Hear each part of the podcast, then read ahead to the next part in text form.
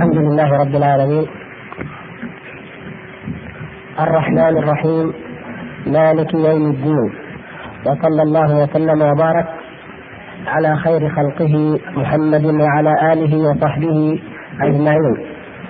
أما بعد أيها الإخوة في الله السلام عليكم ورحمة الله وبركاته.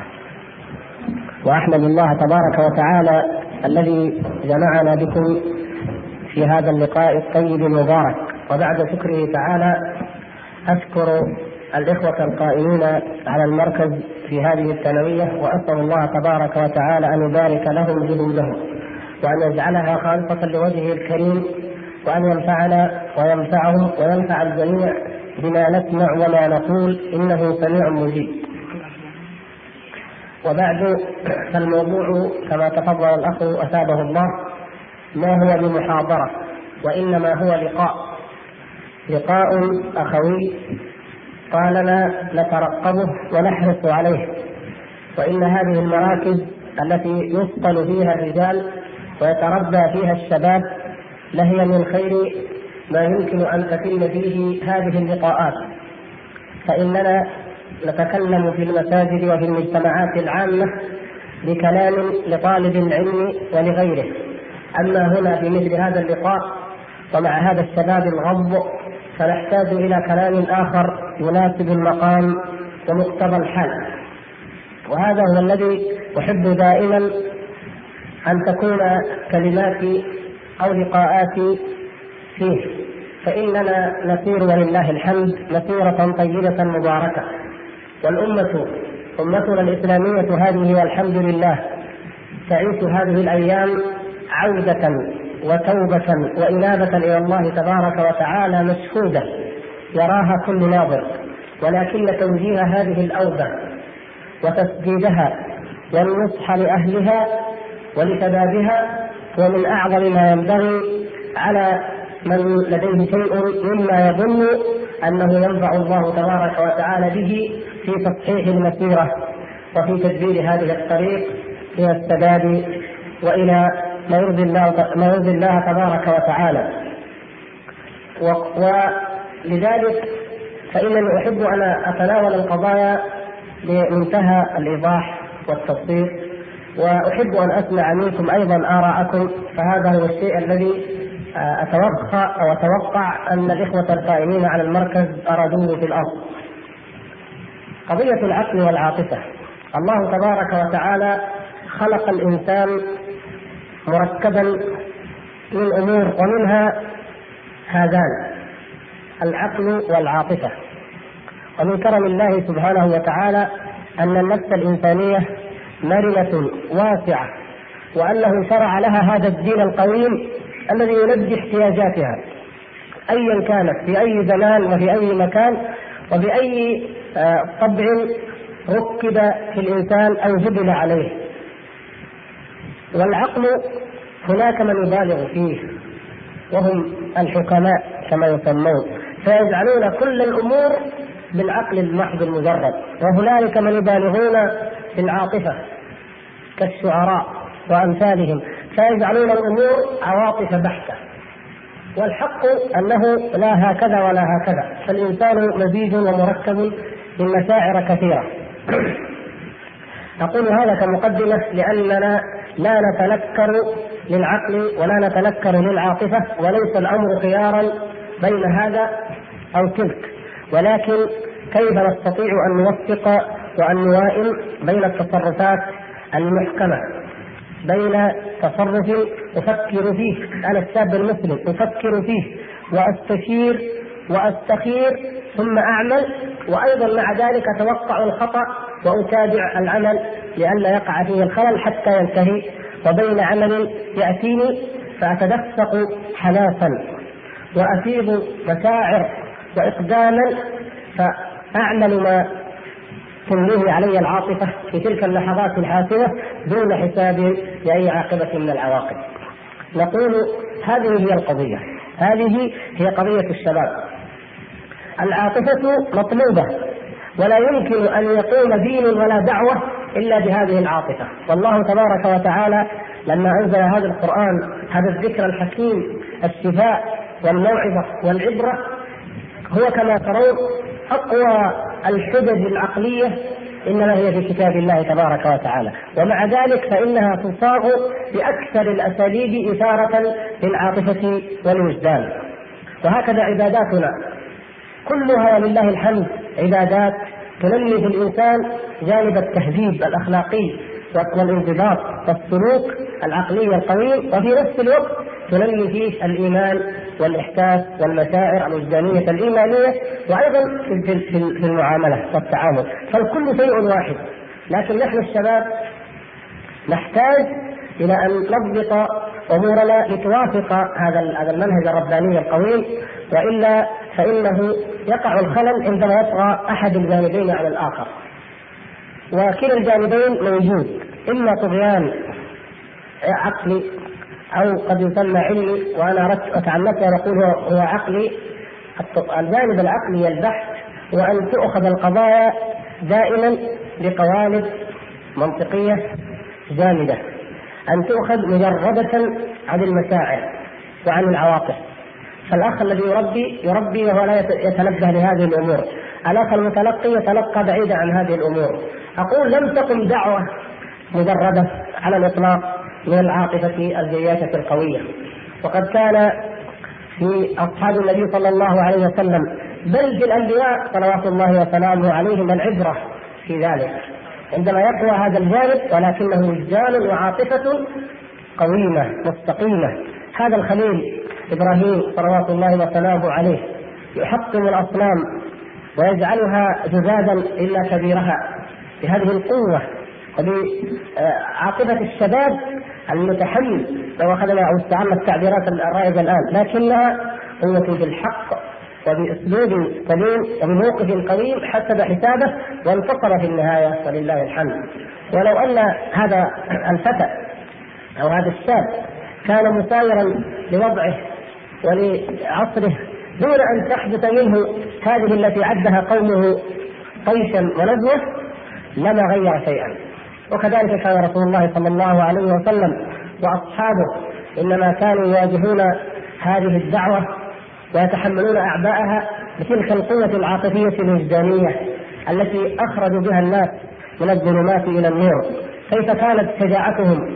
كيف كان إقدامهم؟ كيف كان تعاونهم؟ كيف كانت هجرتهم؟ كيف كانت مواقفهم وثباتهم؟ الا نتيجة لهذه العاطفة ولهذا الوجدان ولكنه وجدان ايماني منضبط. وقد يقع أن أن تثور العاطفة أو تثور ولكنها أيضا تضبط وتنضبط. وفي مواقف عمر بن الخطاب رضي الله تعالى عنه الكثيرة المتعددة ما يبين ذلك. في موقفه يوم الحديبية عندما يكاد ان يعترض على ما اتفق عليه رسول الله صلى الله عليه وسلم واقره مع الكفار. يا رسول الله ألسنا المؤمنين؟ أليسوا المشركين؟ فكيف نرضى الدنية في ديننا؟ ويصرخ ويضطرب ويتألم هذه عاطفة إيمانية وموقف حميد في أصله من حيث المنبع لكن في إخراجه في كيفيته؟ لا. ولهذا يقول فعلت لذلك وعملت لذلك أعمالا. كان رضي الله تعالى عنه بعد ذلك إذا تذكر موقفه من رسول الله صلى الله عليه وسلم يوم الحديبية يتصدق ويعتق وينفق ليكفر عن ذلك الموقف. وفي مواقف أخرى معلومة لديكم جميعا كما في موقفه من المنافقين بل مواقفه من المنافقين. الرجل الذي ترك التحاكم إلى رسول الله صلى الله عليه وسلم وأراد أن يتحاكم إلى كعب بن الأشرف أو إلى كاهن جهينة؟ كيف كان موقف عمر رضي الله تعالى عنه؟ أيضا الرجل الآخر اليهودي الذي أراد أن يختبر النبي صلى الله عليه وسلم ليرى هل الصفات التي في التوراة موجودة فيه أو غير موجودة ويأتي للنبي صلى الله عليه وسلم ومنها أنه يعفو ويصفح ويقابل الجهل بالحلم صلوات الله وسلامه عليه. فيأتي ويشده شدا ويجبده جدا فيقول عمر رضي الله تعالى عنه يا رسول الله دعني أضرب عنقه. ومواقف كثيرة يقول فيها الفاروق يا رسول الله دعني أضرب عنقه. لكن ماذا حصل للفاروق رضي الله تعالى عنه لما صار هو الخليفة؟ هل ضرب عنق أحد بمثل هذه السرعة؟ ابدا. إنه في ذلك الموقف كان يعلم أنه هيبة وقوة للدين ورسول الله صلى الله عليه وسلم هنالك. فإن فعل أمرا فبأمر رسول الله صلى الله عليه وسلم لا نتيجة عاطفته هو واندفاعه وإن لم يفعله حصل المراد وهو الهيبة. لهؤلاء المنافقين أو لأمثالهم وحصل اظهار لعزة الدين. ولمنعه المؤمنين وفي نفس الوقت لم تحصل المفسدة التي لا يريدها رسول الله صلى الله عليه وسلم. وهذا مثال من أمثلة كثيرة لو وظفت العاطفة توظيفا صحيحا لاستطعنا أن نستفيد من وجودها في الشباب طاقة حيوية نشاط. لو وظفت توظيفا صحيحا لاستطعنا بإذن الله تعالى أن نحقق المكاسب الكبرى منها دون أن تحصل المفاسد التي قد تقع والتي نتعرض لأمثلة منها. من ذلك أيها الإخوة الكرام أن عاطفة الشباب دائما تؤدي إلى العجلة وهذه الصفة كانت موجودة حتى في صحابة النبي صلى الله عليه وسلم ولكنها تعرضت للتهديد والانضباط كما أشرنا الصحابة رضوان الله تعالى عليهم لما قال لهم النبي صلى الله عليه وسلم ولكنكم تستعجلون. عندما أتوا إليه وهو نائم في ظل الكعبة وأخبروه عما فتنتهم به قريش وغير ذلك من المواقف. فقول العجلة هذه موجودة في الشباب والعجلة في أصلها دليل خير عاطفة خير لو هذبت ولو نميت. مثلا طالب العلم أحيانا يستعجل أن يتعلم. بعض الإخوان يريد أن يحفظ القرآن في أقصر مدة ويريد أن يتعلم علم الحديث والرجال والأسانيد والمتون في أوجه المدد بل ربما يقول البعض أو يعزم البعض ويقول أجمع هذه العلوم جميعا فاتخصص وأتبحر في القرآن وعلومه وفي الحديث وعلومه وأقوم بالدعوة إلى الله سبحانه وتعالى وبالتربية وفي الامر بالمعروف والنهي عن المنكر بالإضافة إلى اعمال خاصه مع رعاية الزوجة ان كان متزوجا أو مع الاشتغال بشان الزواج يظل ذلك دفعة واحدة. وهذا من العجلة. والحقيقة أنك تجده سنتين وثلاثا واربعا بدأ بهذا الكتاب فلم ياخذ منه الا الربع. وهذا أقل منه. وذاك جزءا يسيرا. ثم ترك هذا ثم اشترى هذا ثم سمع عن هذا. سمع بشيخ من المشايخ ذهب إليه. ما حصلت له المراد ما حصل ما جاء العلم بسرعة. سمع بشيخ آخر سافر إلى بلد آخر انتقل من هذا إلى هذا ترك الكلية هذه إلى كلية أخرى به في النهاية ما وجد الذي يريد. لما جاء لما من اين جاءت هذه الأصل دافع خير الأصل دافع لكن العجلة هذه إن لم تنضبط فإنها هذه هي نتيجتها. وقد حصل هذا لكثير من الشباب. هناك أيضا عجلة في الدعوة إلى الله سبحانه وتعالى. الشاب كلما يتذكر واظن هذا هو الشعور وإن شاء الله المفترض كلما يتذكر كيف كيف كنت لما كنت بعيدا عن الله. كيف كنت؟ وأنا لا لا أستقيم على دين الله سبحانه وتعالى. إن كان تارك الصلاة سبحان الله. كيف لو مت وأنا تارك صلاه كيف لو مت وأنا كنت أشرب الخمر وأتعاطى المحرمات وأفعل الفواحش؟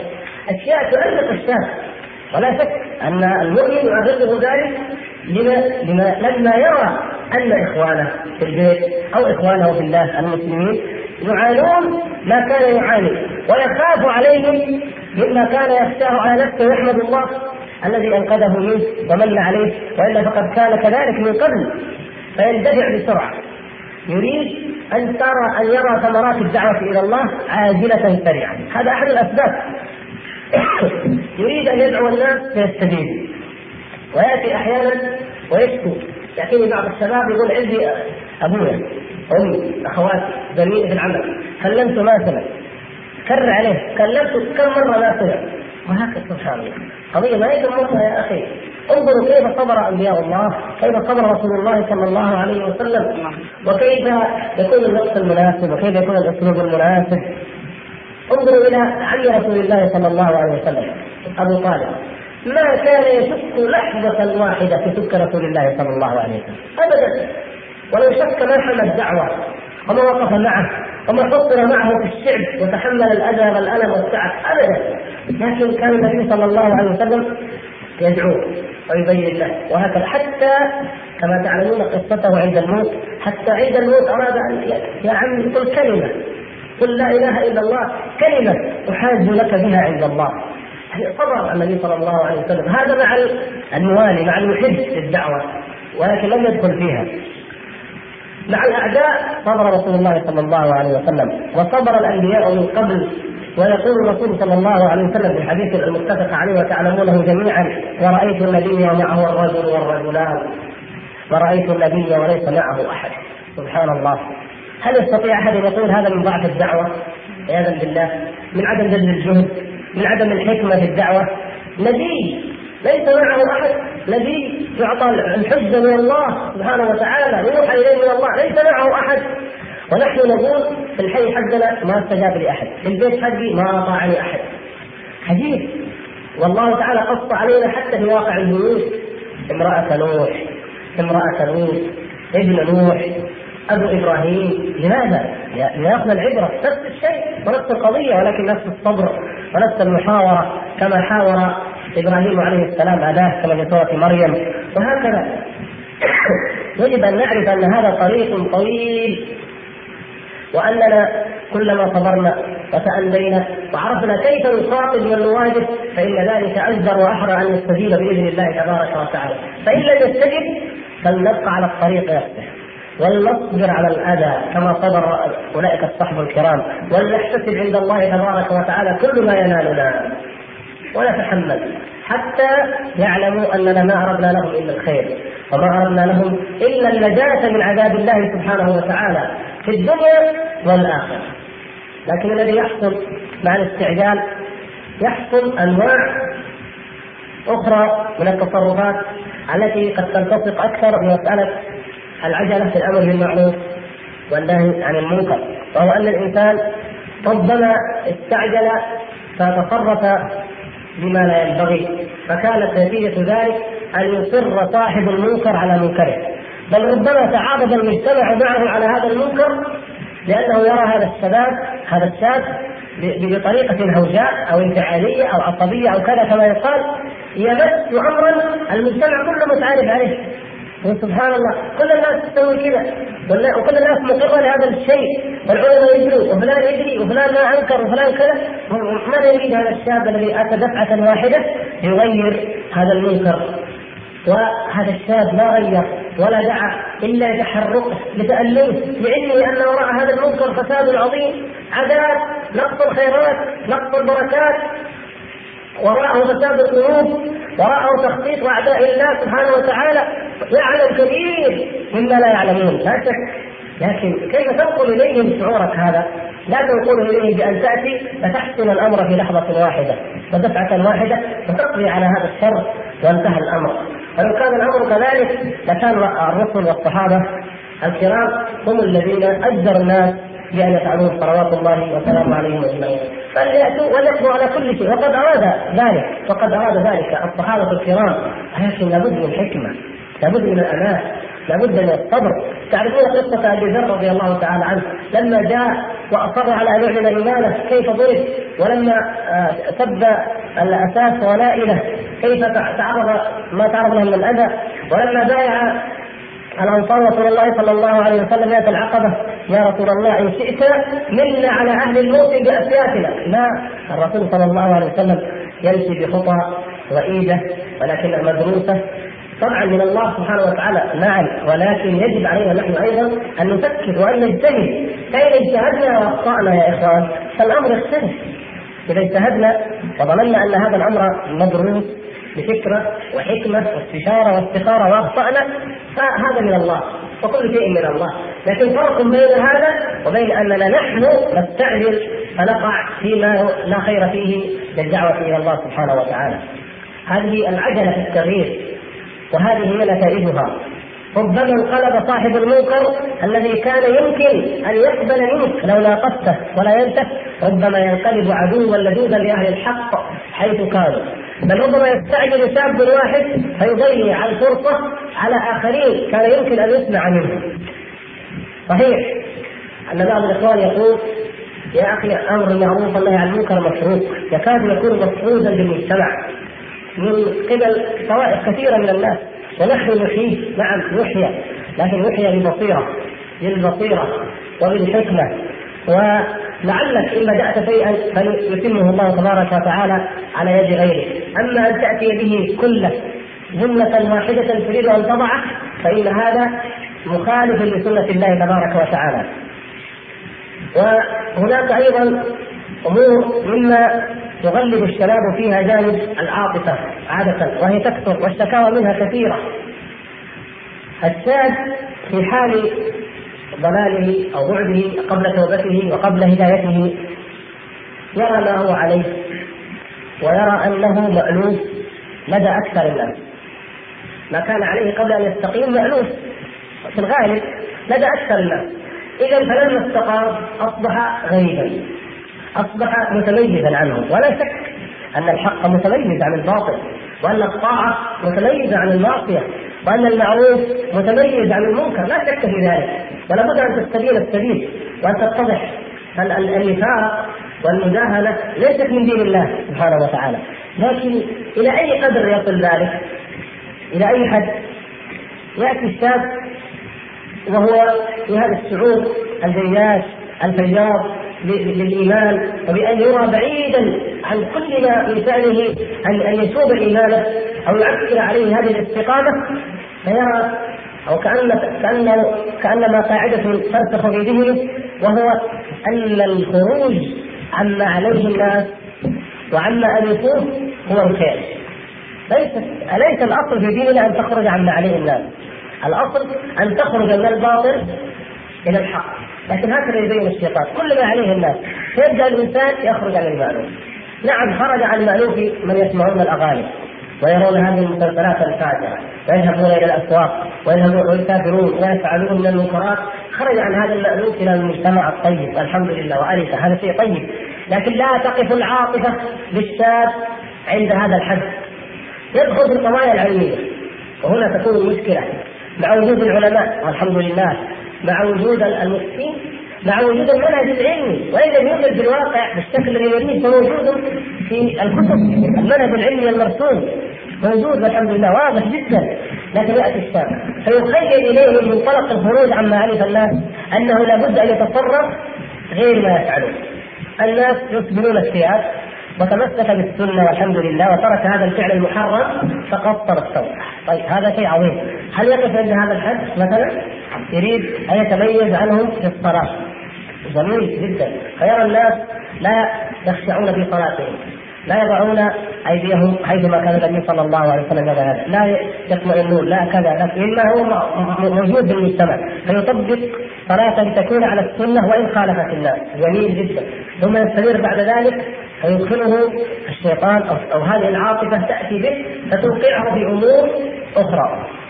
يجتهد بعض الشباب فيها وهي خارجة عن المألوف وينسى مردودها في واقع الدعوة ويعني نتحدث بشيء من الصراحة لأن كما قلت هذا اللقاء ينبغي أن يكون فيه تبادل للآراء في مثل هذه القضايا. شاب وبعض الشباب قرأ في آه، صفة صلاة النبي صلى الله عليه وسلم.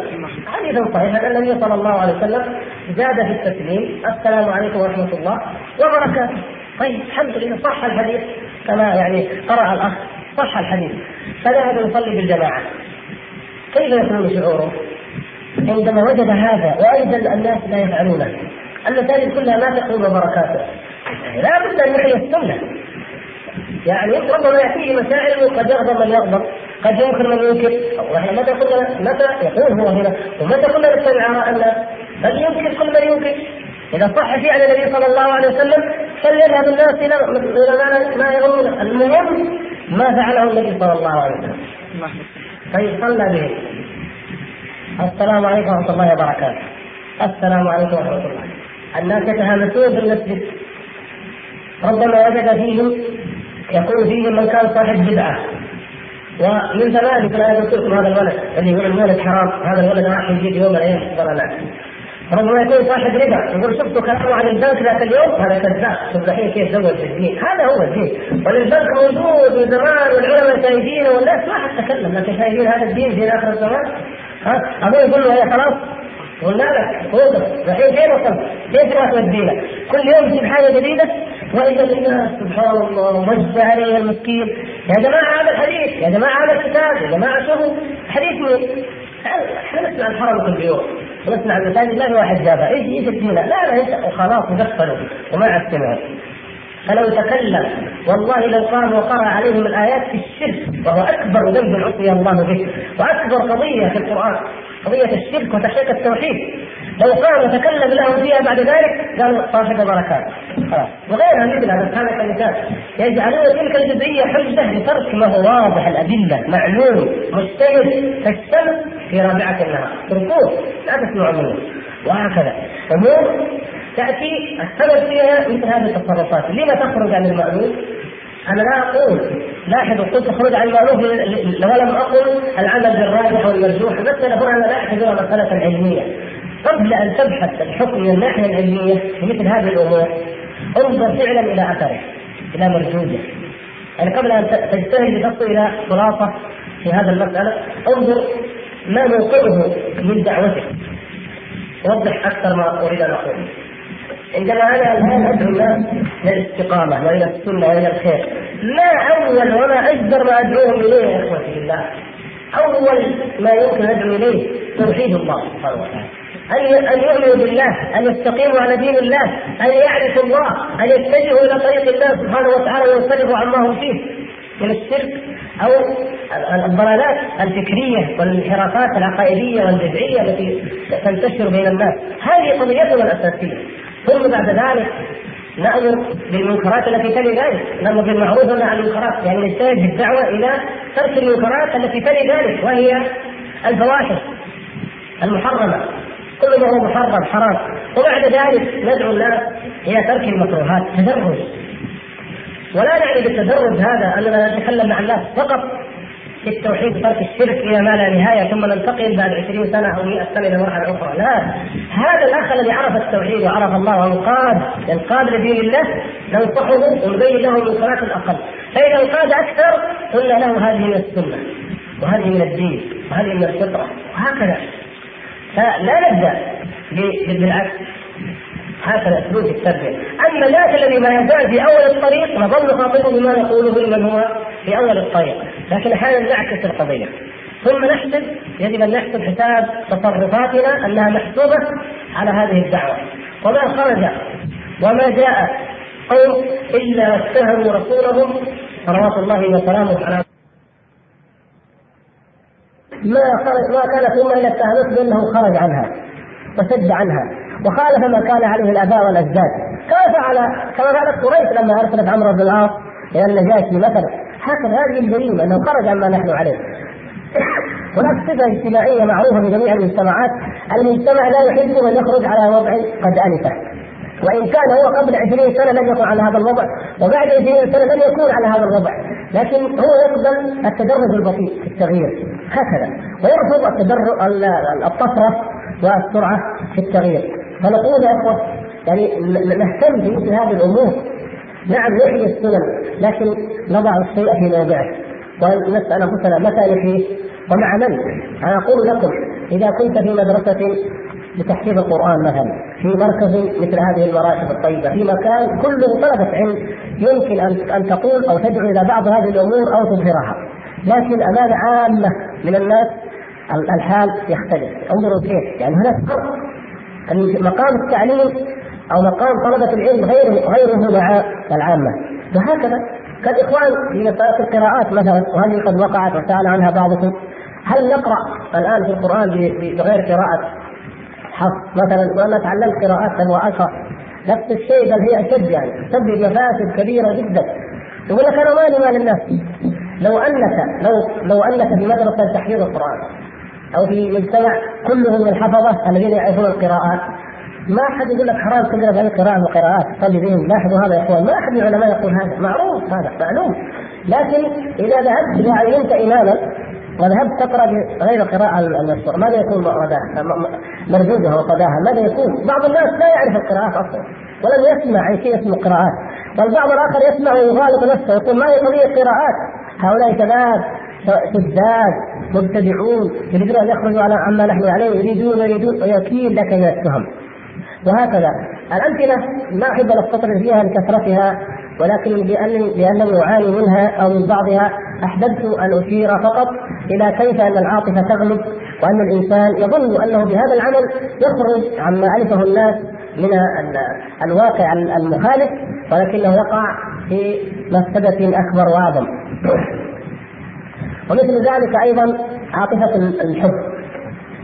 ونحن أيها الأخوة الكرام نحتاج للحب نحتاج أن نحب في الله وأن نوالي في الله وأن نعادي في الله ولولا ذلك لما كنا مؤمنين حقا هذه فضلها عظيم ودرجتها عالية وقد جعلها الله تبارك وتعالى كما نص على ذلك بعض العلماء قالوا أعظم قضية بعد التوحيد ونبذ الشرك في كتاب الله سبحانه وتعالى هي قضية الموالاة والمعاداة، الموالاة في الله والمعاداة فيه.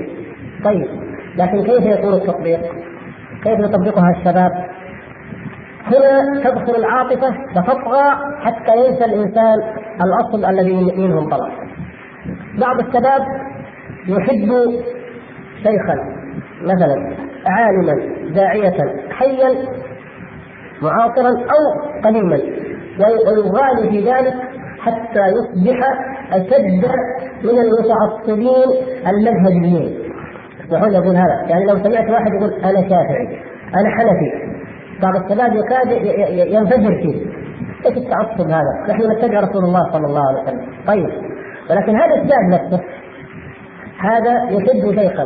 قديما أو حديثا المهم ويرى يذهب به الإعجاب به في كل مذهب كل وادي حتى أنه لو قيل لو نسب إلى الشيخ قول وهو ما قاله قال صحيح. ما دام الشيخ قال صحيح. وهو ما ما قاله الشيخ. إنه ينسب إليه. فإذا قيل له لا لا الشيخ يقول غير ذلك قال لا صحيح.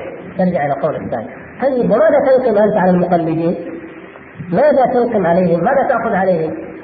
ولذلك تخرج وتشتط وتقع فيما تحذرهم منه وتزجرهم عنه ولو أننا أيها الإخوة الكرام لو أننا جعلنا هذه العاطفة منضبطة لأحببنا كل العلماء وكل الدعاة وكل المصلحين الداعين إلى الله تبارك وتعالى وأخذنا من هذا ومن هذا ومن هذا وسددنا وقاربنا واستفدنا من الجميع ولم نبالغ ولم نغلو في أي واحد منهم.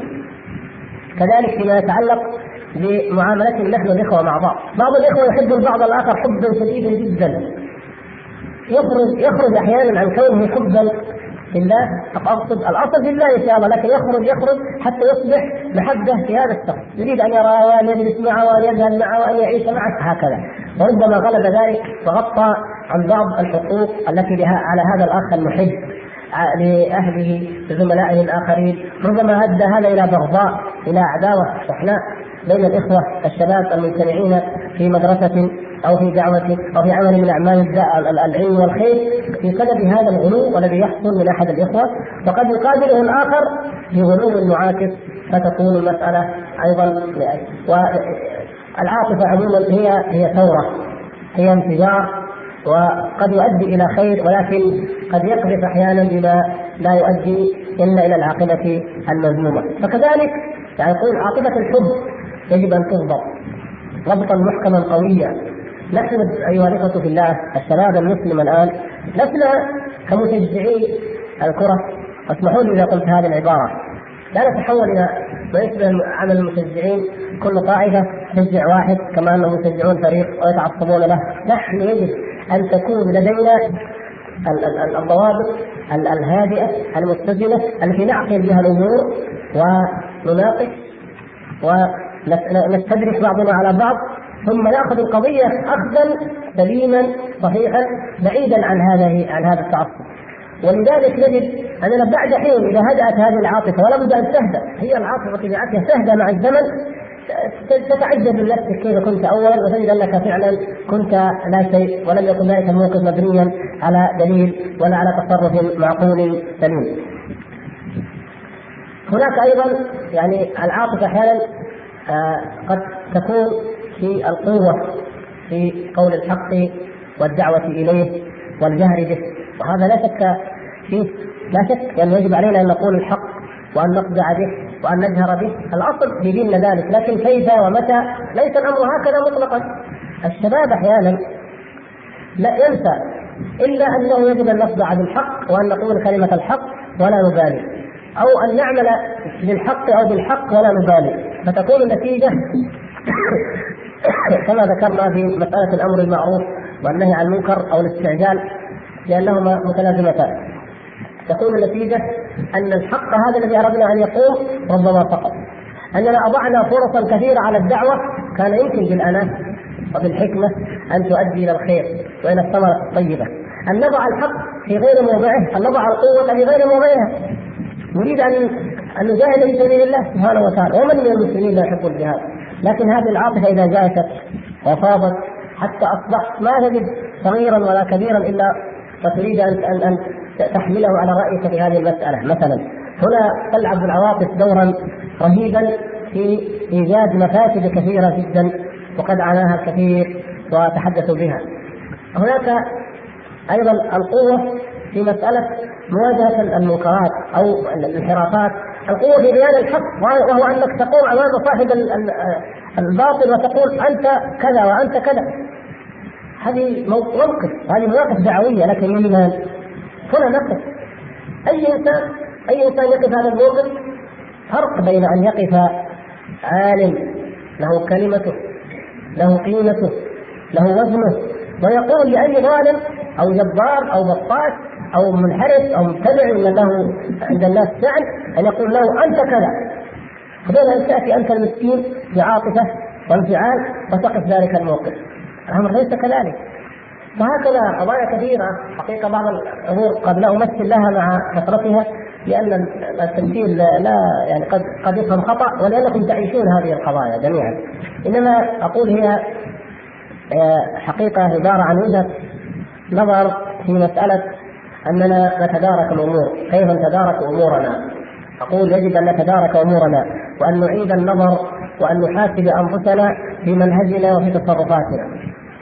فانظر هل أنا أتصرف تصرفا منضبطا متزنا بالفعل أم أن العاطفة وحدها هي التي تسيرني؟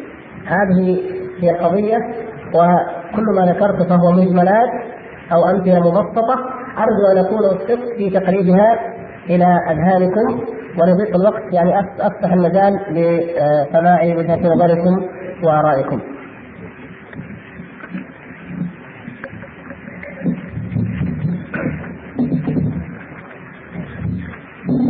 جزا الله خيرا فضيلة الشيخ على هذه التوجيهات أسأله أن يجعل منها نبراسا ومنارا نسير به في طريقنا وأن يجعلنا ممن يسعون فعلا لتحقيق الخير في أنفسهم والتوازن في حياتهم كما يريد الله عز وجل ويريد رسوله صلى الله عليه وسلم.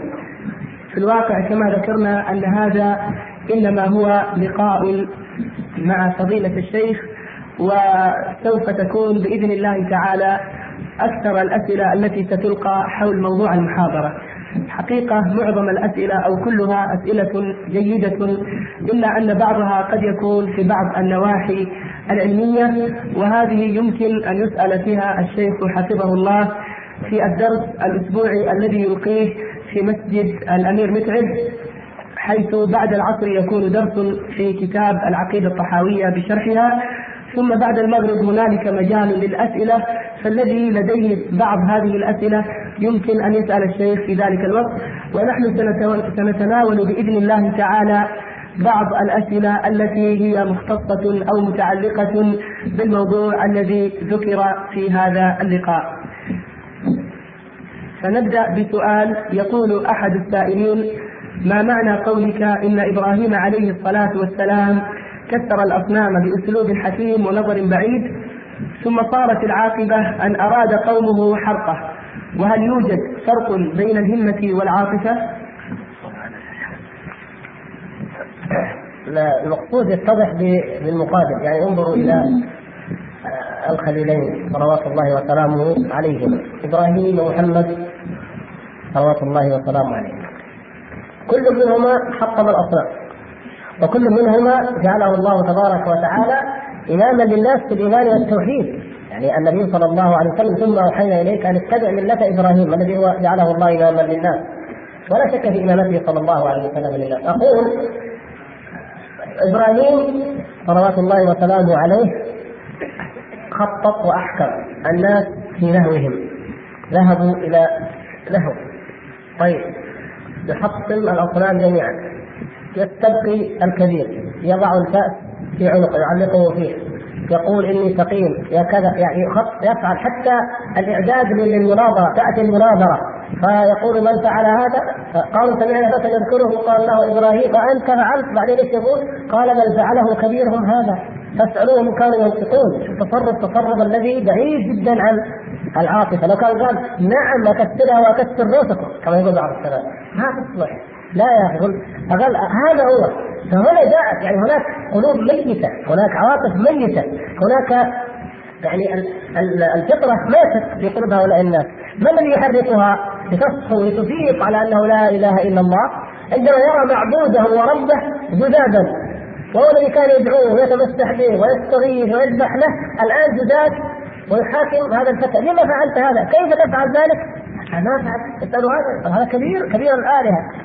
والفأس معلق في عنقه اذا يمكن هو اللي فعل الحقيقة لا تلك دافعت عن أنفسها ولا هذا الكبير دافع عنها ولا هو اللي يعني الذي حفظ نفسه وسلم ولا يستطيع أن يفعل شيء الكبير ولا ولا تلك التي تحطمت. اذا رجعوا إلى أنفسهم. آه إنكم أنتم الظالمون وأخطيتم. أنتم اللي قصرتم شفتوا كيف؟ يعني يقول يعني الآيات معروفة لكم سورة الشعراء والصفات. يعني الموقف لو تأملتموه تجدون انه موقف فعلا فيه الحكمة وفيه وضع الشيء في موضعه رغم أن في الأصل أنه لا شك أنه ما يقوم به إلا بوجدان حي متوسل ورسول الله صلى الله عليه وسلم لما كان في مكة وهو يطوف ويعبد الله سبحانه وتعالى ومعه الصحابة ما كانوا ما فعلوا ذلك ما حطموا الاصنام متى حطم النبي صلى الله عليه وسلم الاصنام؟ عام الفتح. لما فتح مكة. لما دخلها ودانت ودخل الناس بدين الله أفواجا حطمها حينئذ لأن المصلحة هنا والحكمه تقتضي ذلك. فانظروا الفرق. فكلاهما حكيم وكلاهما فعل الشيء في موضعه. وهل يوجد فرق بين الهمة والعاطفة؟ يعني أنا ما احب ادخل في تعريف العاطفة والعقل والهمة والدافع والشعور والمشاكل في علم النفس وغيره لكن الهمة الإنسان كما قال رسول الله صلى الله عليه وسلم أبغى أخذ أعتبر هذا مثال من الأمثلة، بعض الأخوان سمى ولد واحد حارث واحد همام. ليش؟ قال النبي صلى الله عليه وسلم أصدق الأسماء حارث وهمام. والحقيقة يعني القصد من هذا ليس تحديد هذا الاسم. يعني ليس أنك تفضل هذا الاسم على غيره، يعني هذا الاسم الصادق، يعني إذا سمينا واحد مثلا جميل يمكن يكون ما هو جميل صح لا؟ في كثير ناس سمي نفسه كذا. ها؟ واحد مثلا سميته كريم يمكن يكون بخيل واحد كذا. لكن ما هو الاسم الصادق؟ أنا أقول حارس. حارس وإيش؟ وهمام. كل إنسان. صاحب خير صاحب شر معروف منكر ايا كان حاله فهو حارس وهمام. يا أيها الإنسان الإنسان عموما إنك كادح إلى ربك كدحا فملاقي هذا حارس. كادح يحرص معصية طاعة آخر. المهم يحرص وهمام كل إنسان هم كل يوم. كل واحد في هذه الدنيا كافر مؤمن ايا كان كل يوم يقوم يبغى شيء يحققه ويفكر فيه وهكذا. ومن هذا تكون نعم الهمم تكون متفاوتة وتكون الهمم مختلفة جدا متباينة وتكون لكن الأصل أن كل إنسان هو حادث وحمل فالهمة هذه تستنفر أحيانا العقل وتستنفر الوجدان. وأكثر وأعظم الناس همة هم الذين يريدون الله والدار الآخرة. هذه يا إخوان الهمة العالية هذه الهمة العالية. واحد يقول لك أنا كدحت بعربي بدني حتى سويت مؤسسة وصار عندي فروع للشركة. ما شاء الله طيب. والآخر يقول كدحت انتهت حتى أخذت درجة عليا. والثاني يقول أخذت المرتبه العاشره والثانيه عشره والخامسه عشره سبحان الله. كل هذا هذا العاجلة. إن هؤلاء يحبون العاجلة. ويذهبون وراءهم يوم الثقيل لكن المؤمنون الهمه العاليه عمر بن عبد العزيز رضي الله تعالى عنه ساقت نفسي إلى الأمارة. فلما وليتها ساقت نفسي إلى الخلافة. فلما وليتها ساقت نفسي إلى الجنة. هذه المهمه العاليه مو معنى ذلك أنه سعى للخلافة ورغبها. لكن يأتي كل إنسان سوالف وخواطر. لو كنت كذا يعني يبقى كأني لو حصلت على كذا لكن الهمه العاليه كيف؟ هي بان يكون الإنسان يريد رضا الله ويريد الدار الآخرة ويريد الجنة. جعلنا الله وإياكم من ورثتها. أكثر من أكثر من سؤال تكرر. يقول ما هو الميزان الذي يزن به الشخص عمله؟ هل هو عن عاطفة مجردة أو عن عاطفة وجدانية إيمانية وجزاك الله خيرا. وآخر بنفس المعنى ف... أي نعم أحسنتم. هو يعني الميزان هو يا ليته موجودا هكذا جاهزا. ونشتريه ونحط في كل واحد.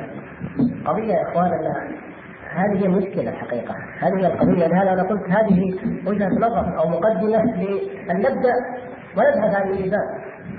من الناحية النظرية الحمد لله الميزان موجود. كل واحد يقول كتاب الله سنة رسوله صلى الله عليه وسلم عمل النبي صلى الله عليه وسلم وعمل السلف الصالح. هكذا لكن في الحقيقة أن هذا الكلام المجمل العام لا يكفي. بل أقول يجب أن نفكر. فنضع أنفسنا في أي موقع نحن الآن من الدعوة إلى الله. ثم ننظر في الأدلة التفصيلية أو الإجمالية أو القواعد كيف يمكن أن نسلك؟ وأذكر الكلام للشيخ الإسلام ابن تيمية رحمة الله عليه كلاما جليلا عظيما معناه أنه ليس العالم أو الفقيه من يقول هذا حرام وهذا حلال. وإنما الفقيه أو العالم في الحقيقة هو من يعرف أرجح المصلحتين ويأمر بماذا؟ بأرجح المصلحتين ويفتي بما يدفع أكبر المفسدتين إنما عندما تفتي الناس بشيء يحقق لهم أرجح المصلحتين أو تفتيهم بشيء يدفع أكبر المفسدتين أما مجرد انك تقول هذا حرام هذا حلال طيب وعلم لكن ممكن أن يسافر يعني استطيع خلف الميكروفون هنا؟ أي سؤال ياتي هذا حرام هذا حرام. الفيديو حرام الأغاني حرام الزنا حرام ممكن. الحمد لله ويستطيع الناس ذلك.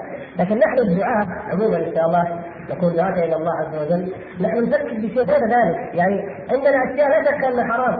الفساد وهذا التبرج وهذه المنكرات ما عندنا شك في الدليل على أنها حرام. لكن كيف نتصرف لتغييرها كيف نعمل لننقل ما نشعر به من إحساس بخطرها وضررها ودمارها إلى من يعملونها؟ هذا هو التحدي. هنا المحز.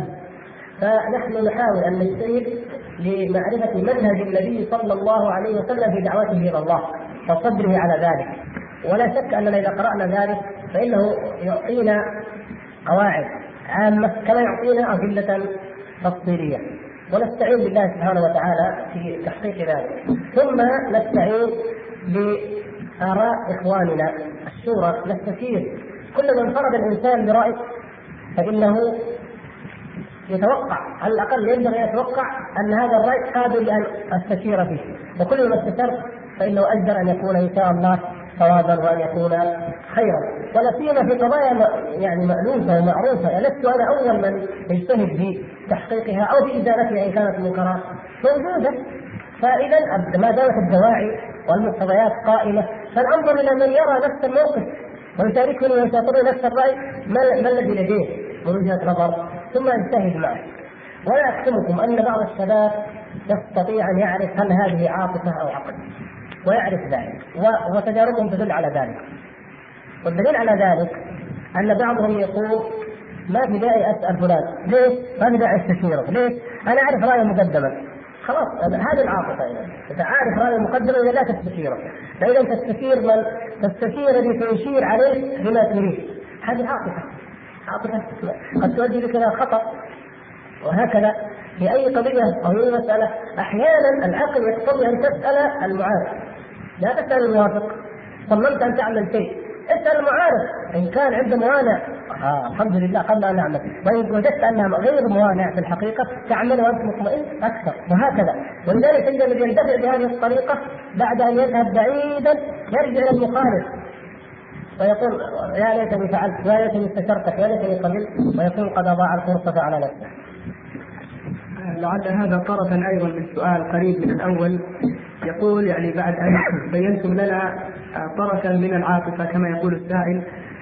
يقول نرجو أن تبين لنا الطرف الآخر الذي قد يؤدي إلى التهاون في بعض المنكرات مثل جلوس الناس أثناء الصلاة أي بسبب التعفن الزائد عن المطلوب ولعله يقصد البرود. نعم. هو نحن عندما تحدثنا كان موضوعنا في من يعمل ولكنه يعمل إما بعقل أو بعاطفة. وقلنا لا لا انفصال بينهما بالحقيقة لكن مسألة الذي لا يعمل هذه ليست عاطفة ما نسميها عاطفة. حقيقة هذا يحتاج إلى أن ينصح. هذا مدعو وهذه هذا تقصير وهذا تسهيل وقد يفلسفه أصحابه بأنه عقل ولا يفلسفونه بأنه عاطفة. يقول أنا عاجل. من يوم استلمت ما تزاعلت مع أحد من الناس. طيب ما أدري عن العقل هذا حقيقة. يعني واحد استقام وما وقعت المشكلة مع أحد يراجع نفسه؟ لأنه أكيد أن لابد من مداهنة لابد من لابد سبحان الله لابد من تقصير في الدعوة. لكن لو دعوت لابد أن تجد من يعاديك لذاته. كما هو الحال الآن. يعني كثير من الناس يعادى لذاته. يعني لو قال ما ما قال حقا باطل المهم هو عدو. لماذا؟ لأنه يدعو إلى خلاف ما عليه هذا العدو أو المعادي. فالحقيقة أن التهاون في إنكار المنكر هذا مرض وعدم انكاره عدم الاهتمام بالدعوة إلى الله سبحانه وتعالى هذا تقصير وتفريط ومرض وهو من دواعي عذاب الله ومن دواعي انتقام الله سبحانه وتعالى من من الامم ومن الأفراد. نسأل الله العفو والعافية. فالضعف الذي يعترينا جميعا وكلنا ضعيف آه نحتاج فيه إلى أن نتناصح لننهض ونقوم. وليس داخلا كما يخيل لي في موضوعنا الأخص بالذات. هذا سائل يقول نحن نعاني من عدم قدرتنا على تنظيم أوقاتنا. فكما تفضلتم تجدنا يعجبنا كتابا فنشتريه. ثم نرى كتابا آخر فنترك الأول قبل أن ننتهي منه. وهكذا كما نضيع كثيرا من أوقاتنا فبماذا تنصحوننا في توزيع أوقاتنا والاستفادة منها؟ نعم هذا الأخ صادق ومعاناته صحيحة. وكلنا عانينا ذلك. يعني ترى هذا الكلام آه لما قلته أحب أقول لكم لم اقله لأنني بريء منه. بل عانينا وما نعاني وما زال نعاني. وكلنا معرضون لعاطفة تثور أو لتفريط وضعف نسأل الله العفو والعافية. لكن نقول هذه القضية بالذات هذه قضية القضايا من حيث المنهج العلمي عند الشباب.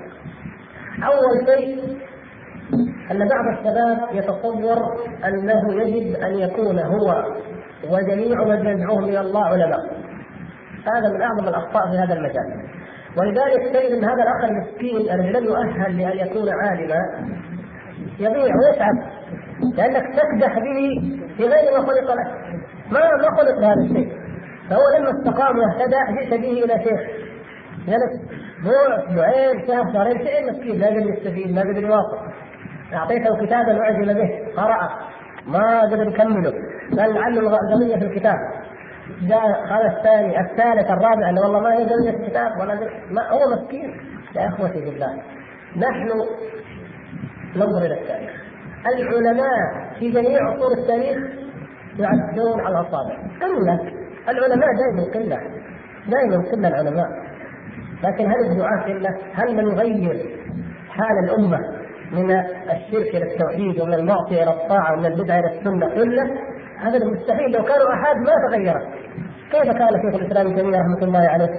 كيف انه لكن انظروا كيف كان لما غير المنكرات لما حارب التتار ولما حارب الروافض والباطنية ولما وقف كانت معه أمم أمم.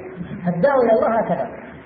نحن الآن مشكلتنا نريد أن كل من يهتدي ويستقيم نقصره قصرا ونصبه في طالب طلب العلم. ولذلك بعض الناس يتمكن يترك وظيفته يقول أبغى اطلب العلم. يجيك واحد ما شاء الله ضابط يجيك واحد مهندس. يقول الاساس أدخل الجامعة الإسلامية ولا معهد الحرم؟ والله أنا أقول عن يعني عن واقع أنا اعيشه يا أخوان. ليه؟ انت فين تشتغل يقول لي كذا كذا بس اطلب العلم يا سبحان الله. هو ليش تطلب العلم؟ 30 سنه ولا فوق ولا كذا. وعندك العائلة. مين قال لك إنك أنت لازم تدخل يا شيخ أنت يكفيك أن تحضر وتتعلم ما ينفعك من الأساسيات التي تعبد ربك تعالى بها وتستقيم وتعرف طريقك في الحياة وتعرف الحق في الجملة لكن التبحر وتوسع في المسائل هذا ليس من ذلك، ما نقول هذا تحيزا ولا تعصبا ولا ليس خطأ، لكن نقول هذا الاخ في موقعه الذي هو فيه ينفع الله تعالى به، أنت ادعو الأفراد، ادعو الناس، ادعو في مجالك، ارفع الإسلام بميدانك الذي أنت فيه، لكن تتركه وتأتي طالب علم ويترك الآخر. معقول؟ تتحول الأمة كلها إلى طلبة علم جالسين في المساجد أو في المدارس يتحلقون حول العلماء؟ هذا غير معقول أصلا. الصحابة رضوان الله تعالى عليهم أطهر وافضل جيل وأحرصهم على العلم والحق والخير كم كان علماء الصحابة؟ كم المكثرون للحديث؟ كم المتعرضون للفتوى من الصحابة وكذلك التابعون؟ كم؟ عدد قليل لكن الكل كان يدعو إلى الله، الكل كان يأمر بالمعروف ينهى عن المنكر يغير بحسب موقعه وبحسب بيئته وبحسب ما يستطيع. أما من يتفضل بقضيه العلم بالذات ليس كل أحد. أقول هذه من الأسباب. فإذا إذا يا أخي قد يكون بعض هؤلاء كما ذكر الأخ لم يؤهل لأن يكون طالب علم. لكن هذا الأخ يمكن أن يبذل من ماله للدعوة إلى الله، يمكن أن يبذل من وقته لإنكار المنكر، يمكن أن يبذل من من خبرته العملية لمعرفة بعض الأمور التي تعين الدعوة على أن تتوسع في المجالات وأن تدخل في جميع القطاعات. فيكون هذا باب عظيم للخير وأنت تريد أن تجعل منه تابعا صغيرا في الحلقات، لا هذا أحد الاحتمالات. الاحتمال الآخر زي ما قلنا العجلة والملل. الشاب يمل. ومن طبيعة الإنسان أنه كما قال صلى الله عليه وسلم لكل عامل شرة ولكن بعد الشرة فترة فترة. فيأتي يعني الاندفاع ولكن يعقبه الفترة ويعقبه الضعف. وقد يكون هذا هو السبب. ومما يعين الإنسان على ذلك أنه من, الأصل يبنى بمنهج معقول. لا يحلم بالخيال يأتي بشيء معقول يستطيع أن يحققه ويسلك ذلك مع إخوة له في الله يعينوه فكلما ضعف سددوا وقاربوا أعانوا وساعدوا وهدوا وتعاونوا حتى يصل الجميع بإذن الله إلى ما يريدون. ولو يعني انضبطت الجوانب العلمية عندنا على مناهج معينة لما كان في ذلك من حرج، يعني عندنا كتب أساسية يجب أن تدرس في العقيدة وفي الفقه وفي غير ذلك، هذه يجب أن تدرس وأن تعلم بالنسبة للدعاة وطلبة العلم. أقول مهما وجد الإنسان فيها من تعب أو ملل أو صعوبة يوطي النفس يحتسب أن يصبر. يكمل الكتاب كما يحتسب أن يصبر على طاعة الله كما يحتسب أن يصبر عن معاصي الله التي حرم الله يحتسب أيضا أن يصبر حتى يفهم هذه المسألة وحتى يفهم هذا الكتاب. ثم مسألة أخرى أو جانب آخر. قد تكون أنت مهيئا لأن تكون قارئا مفسرا لكتاب الله لكن ما أمنيت لعلوم الحديث والرجال. فلا تقصر نفسك على هذا أيضا هذا شيء آخر. إذا لم تستطع شيئا. فدعه وجاوزه إلى ما تستطيع بعض الأخوان يبغى يلم بالأصول ما يقدر في الأصول لكن يقدر في الفقه خليه في الفقه يقول احد السائلين كما يقول التزمت بدين الله ولله الحمد فبدأت بتقصير الثوب ولبس العمامه لكني واجهت ظروفا وانتقادات حدت في نفسي فعدت إلى خلع العمامة وعدم تقصير الثوب وما في نفسي في نفسي فأصبح زملائي يقولون أني عدت عن الالتزام وعدت إلى الضلال. فماذا أفعل؟ اي نعم يعني كيف العاطفة تتدحرج أو تتارجح من العكس إلى العكس؟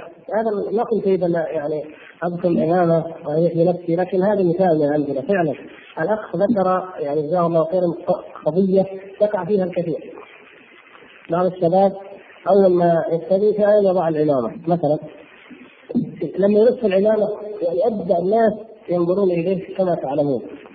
هو يقول لك أنا مالي الناس أنا اهتديت هذه العمامة وهذا الدين وخلاص حقيقة لو تأمل. اولا كما قلت ما موقع العمامة من الدين. يعني قبل ما يفكر الإنسان أو يسأل حتى عن أحكام تفصيليه لبعض الأمور يعني يرتبها أو يسأل على الأقل عن ترتيبها. يعني الإمامة ما موقعها التمسك بها ما موقعها من الدين ثم بعد ذلك شوف هل في هذا المصلحة في هذا الوقت كيف اسأل عالما ممن يفتيه ويبين له موقعها من الدين بعد ذلك يقول هل أطبقها؟ كيف أطبقها؟ هكذا أي شيء ليس القول قضيه العمامة. لكن أنا أعرف كثيرا بعض من الشباب الحمد لله تمسك واستقام واهتدى ما خطرت للعمامه هي العلم يعني ما خطرت له كيف خطرك لهذا وما خطرك لهذا؟ الدليل ان الآخر ذات يعني رأى انه يعني هذه ليست ما أقول سال العلماء وقالوا له حكم الامامه لا هو ذاته قال ما في داعي أنا أقول يعني أجزم من هذا واقع في واحد قال هذه قضيه لا لا لا إحنا وهكذا. أقول إيش المقصود بهذا؟ هناك أمور يمليها الإنسان يمليها على الإنسان وجدان خاص يعني كأن مشاعره الخاصه كأنه يعرف حكمه معينة لديه أن هذا العمل ما ينفع. بغض النظر عن كونه قد يطبقه أو لا يطبقه. لكن في البداية منذ اللحظة الأولى بعد ذلك تأتي القواعد أو العلم التفصيلي يضبط لك كل أمر موضعه لكن هناك أمور تعرفها أنت بالبداهة في التجربه بالواقع. فالعلم هل شرع عليه رسول الله صلى الله عليه وسلم يقول أن نلبس علمك لابد أن يدورها هكذا ويضعها هكذا؟ لا حقيقة ليس هذا هي صله وأنا أريد أن أوضح قضية مهمة في هذا المجال وهي أن التمسك بالظاهر سهل. التمسك بالظاهر سهل جدا. ولهذا إذا أراد المنافق أن ينافق واحد جاي يضحك علينا. إيش يسوي؟ بسيط يضحك علينا. يعطي لحيته مثلا يوكل يجي يصلي كما كان المنافقون يصلون خاصة الظهر والعصر أو مثلا الظهر والمغرب. لكن الفروض اللي كان نايم فيها لا يجي. يعني التمسك الظاهر سهل ولكن الصعب ما هو يا اخوان الايمان الباطل لكنهما لا ينفصل بعضهما عن الآخر. يجب أن يقيمهما معا. ما يتهاون بشيء منهما. لكن الناس اليوم الناس الآن إذا رأوا الظاهر الدعاء بعض الدعاء يقول بسيط يا شيخ الثوب ما هي مشكلة الثوب اللحيه ما هي مشكلة ما أتكلم فيها ما هي مشكلة بسيطة. فما دامت بسيطة بهذا الشكل سويها يا أخي اعملها. حقيقه هي بسيطة بالنسبة للايمان الباطل. لكن لا بد أن نقوم بهذا الدين جمله واحدة ونحيط به من جميع جوانبه واضعين كل شيء في موضعه. فكل من لبس العلة حصلت لهم من حالة هذا الأخ. لبسها على أنها إيش؟ من الدين. عند مشاعرك وأنت تلبسها ليست شعور إنسان طبق السنة بمعنى اللي أنا مثلا أو شاب يعني على أي شاب مستقيم سنوات طويلة قرأ في كتاب من كتب السنة من السنن طبقها ببساطة جدا. لكن هذا الأخ لأنه أول ما اهتدى لما لف العمة لفها بشعور إيش؟ شعور إنها سنة. شعور يعني أقصد في واقع حالي ومن يراه كأنها ركن يعني كأنها رمز الأصالة رمز للتحدي للماضي رمز أنني ابتعدت عنكم يا أصحاب الأشماغ أو الغتر أنا الآن تميزت أنا انفردت أنا كذا أنا كذا لا يأخذ العلة في ذاتها ولا العلامه الأخرى في ذاتها إيش؟ أنني الآن استقلت بمعنى أن كانه يقول الآن اهتديت الآن استقلت ودليل ذلك أنني أصبحت في, في مظهر غير مظهري. ومن هذا المنطلق يعني يكون قد إن شاء الله قد انطلق من منطلق سليم ولا شك في ذلك. لكن من حيث الحكمة في العمل ومن حيث تحقيق المصلحة لا. أنا أقول للناس الذي يستقيم حديثا أما بالنسبة للعلم فلا تلزم وليست من مجتمعنا إخواننا في السودان يلبسون العمة؟ البس العمة ما في شيء. يعني إخواننا السودانيين يلبسون الدين الذين الحمد لله واسع. ما في ناس في السعودية وناس ديننا واسع. أهل كل بلد لا ما اعتادوا أن أن يلبسوه ويرتدوه. ما لم يكن حراما فلتبقى عليه. ما لم يكن فيه حرام ما لم يكن إثما. وحتى إن كان فيه شيء من المكروهات فأخرها قليلا. وأما الثوب فأيضا للمرحلة الأولى أنا انصح بان يقتصر الشاب مع إيمانه القوي بضرورة تطبيق السنة واتباعها أن يقتصر أن يرفعه عن الكعبين فقط. يرفعه عن الكعبين بقدر لا يثير عليه. ليش؟ لأنك أنت الآن زي انسان ملك سلاحا ضعيفا. يعني بالنسبة للباطل أنت ملكت سلاح من أسلحة الحق امتدت مثلا. لكنك تستثير عليك من يملكون المدافع والقنابل هذا مو صحيح. بعض الشباب مسكين لما لما رأى ابوه يصطاد هكذا أحيانا بعض الشباب إلى الركبه تقريبا. شكل يعني. والعلم وبدا كمان يترك أصحابه بدا يترك ينتقد المدرسة وينتقد الحياة بشكل عجيب. لا شك أن هذا يؤدي إلى أن الأب يعني يعتبر إن هذه انتكاسه كبرى ويصر باصرار عنيف على أنه لابد أن يكون مسبلا وأن يكون عاصيا مهدما فاسقا. يعني فأقول خلي الإيمان اجعلوه إيمانا حقيقيا باطنيا وفي الأعمال الظاهرة التي قد تثير مشاعر الناس وينتج عنها مفاسد. نطبقها في حدود أننا اولا نجتنب المحرم، المحرم هذا ما في نقاش، نجتنبه إلا في حالات خاصة، أنا أقول الكلام هذا يا أخوان لأن البلد ما هي ما هي المسلمين السعودية بس، في بلاد حتى اللحيه لا تستطيع، لكن يعني نتكلم بواقعنا الآن ولا الكلام يجب أن يكون في الجملة عن حتى في الواجبات أحيانا في مواقع خاصة حتى الواجب يؤخر لمصلحه يحقق الركن اولا الركن والاساس نقوي إيماننا لكي نعرف كيف ندخل إلى هؤلاء الناس في مدخل الدعوة إلى الله سبحانه وتعالى ثم بعد ذلك تاتي هذه السنن بإذن الله تباعا. أما إذا جعلنا السنة ركنا فلا بد أن ننسى الأركان. وهذه قاعدة معروفه أيضا يعني الإنسان إذا فرط في جانب لابد أو إذا غلا في جانب لابد أن يفرط في الجانب الآخر.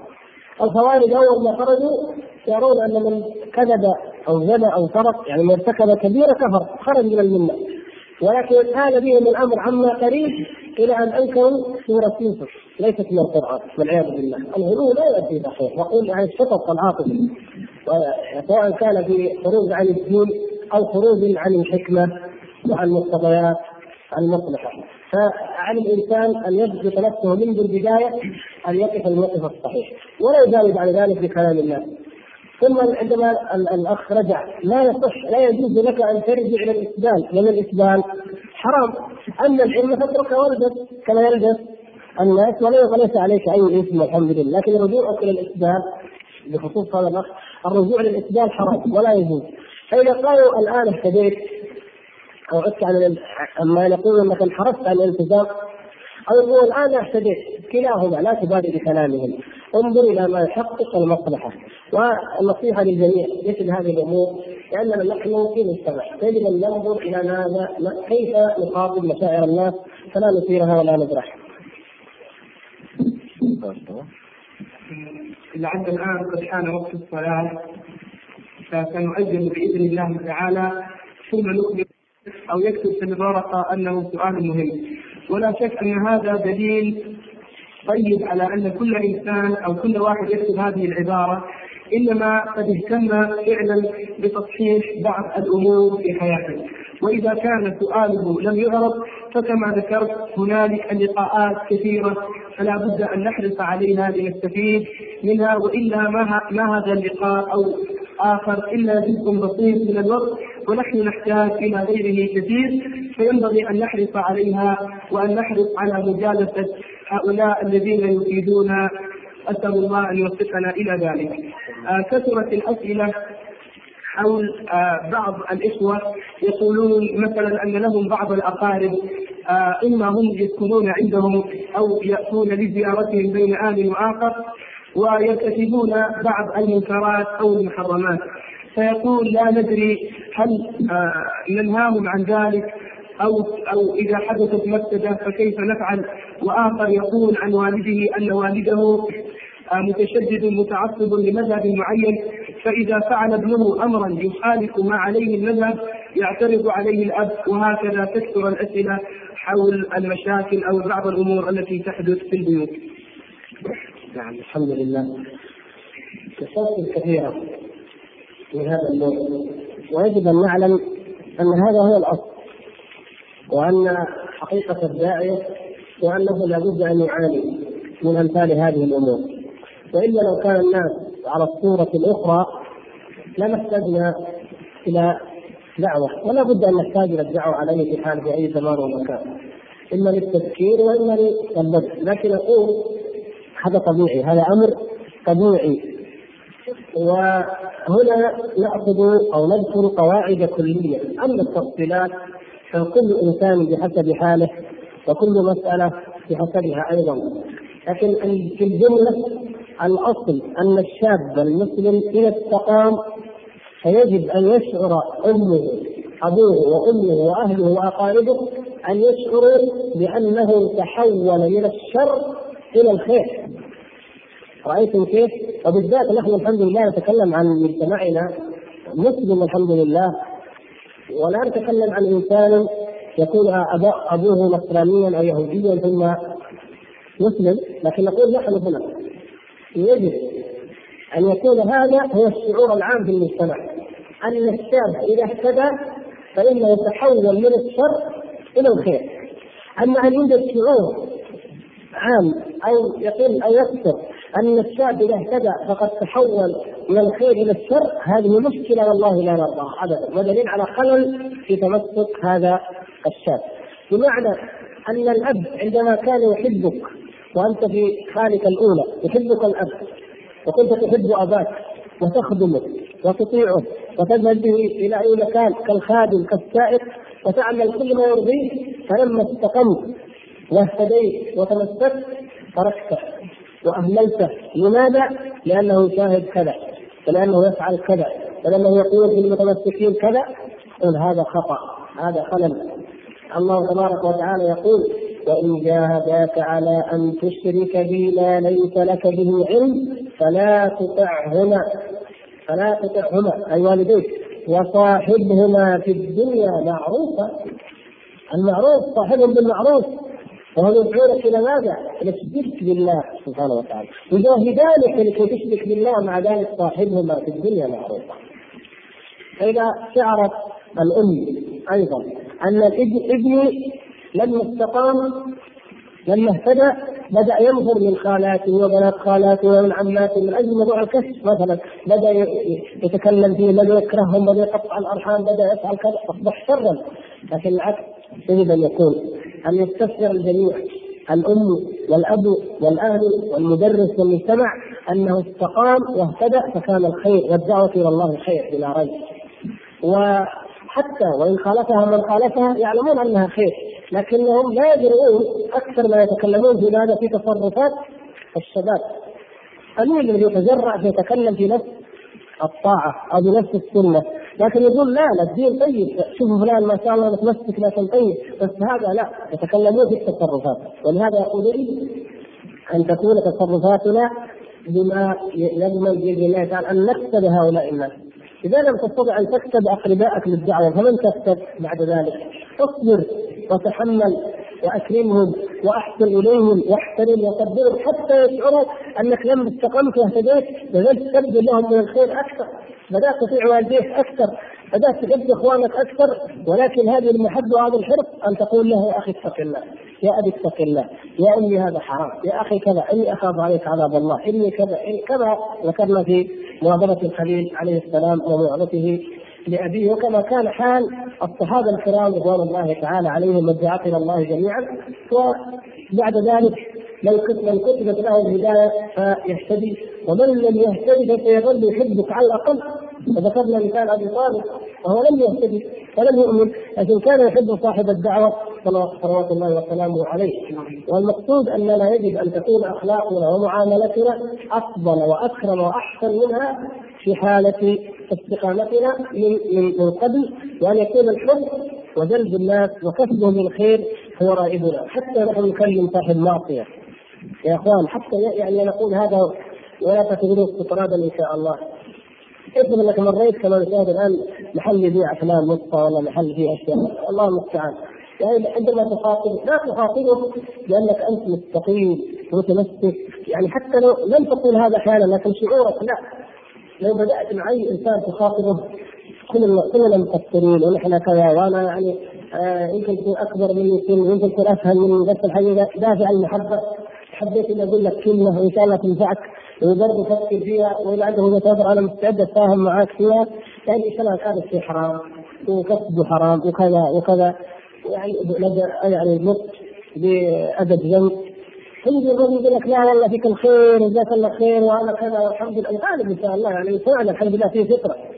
لكن لو أشعرت الناس إنك أنت مستقيم هؤلاء منحرفون ضالون زائغين ما فيهم فائدة ما فيهم خير ما ينفع فيهم. تاكد أن هذا لن يؤدي ابدا إلى استجابة ولا إلى ثمرة.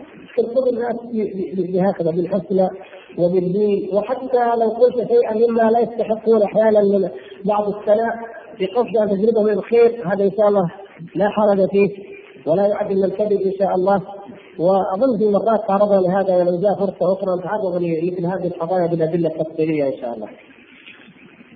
كثير من الأسئلة جاء على صيغ كثيرة. نذكر واحدا منها يقول كنت أزاول العادة السرية ولكن الله من لي أو من علي بالهداية بعد أن عرفت أضرارها وعقوبتها.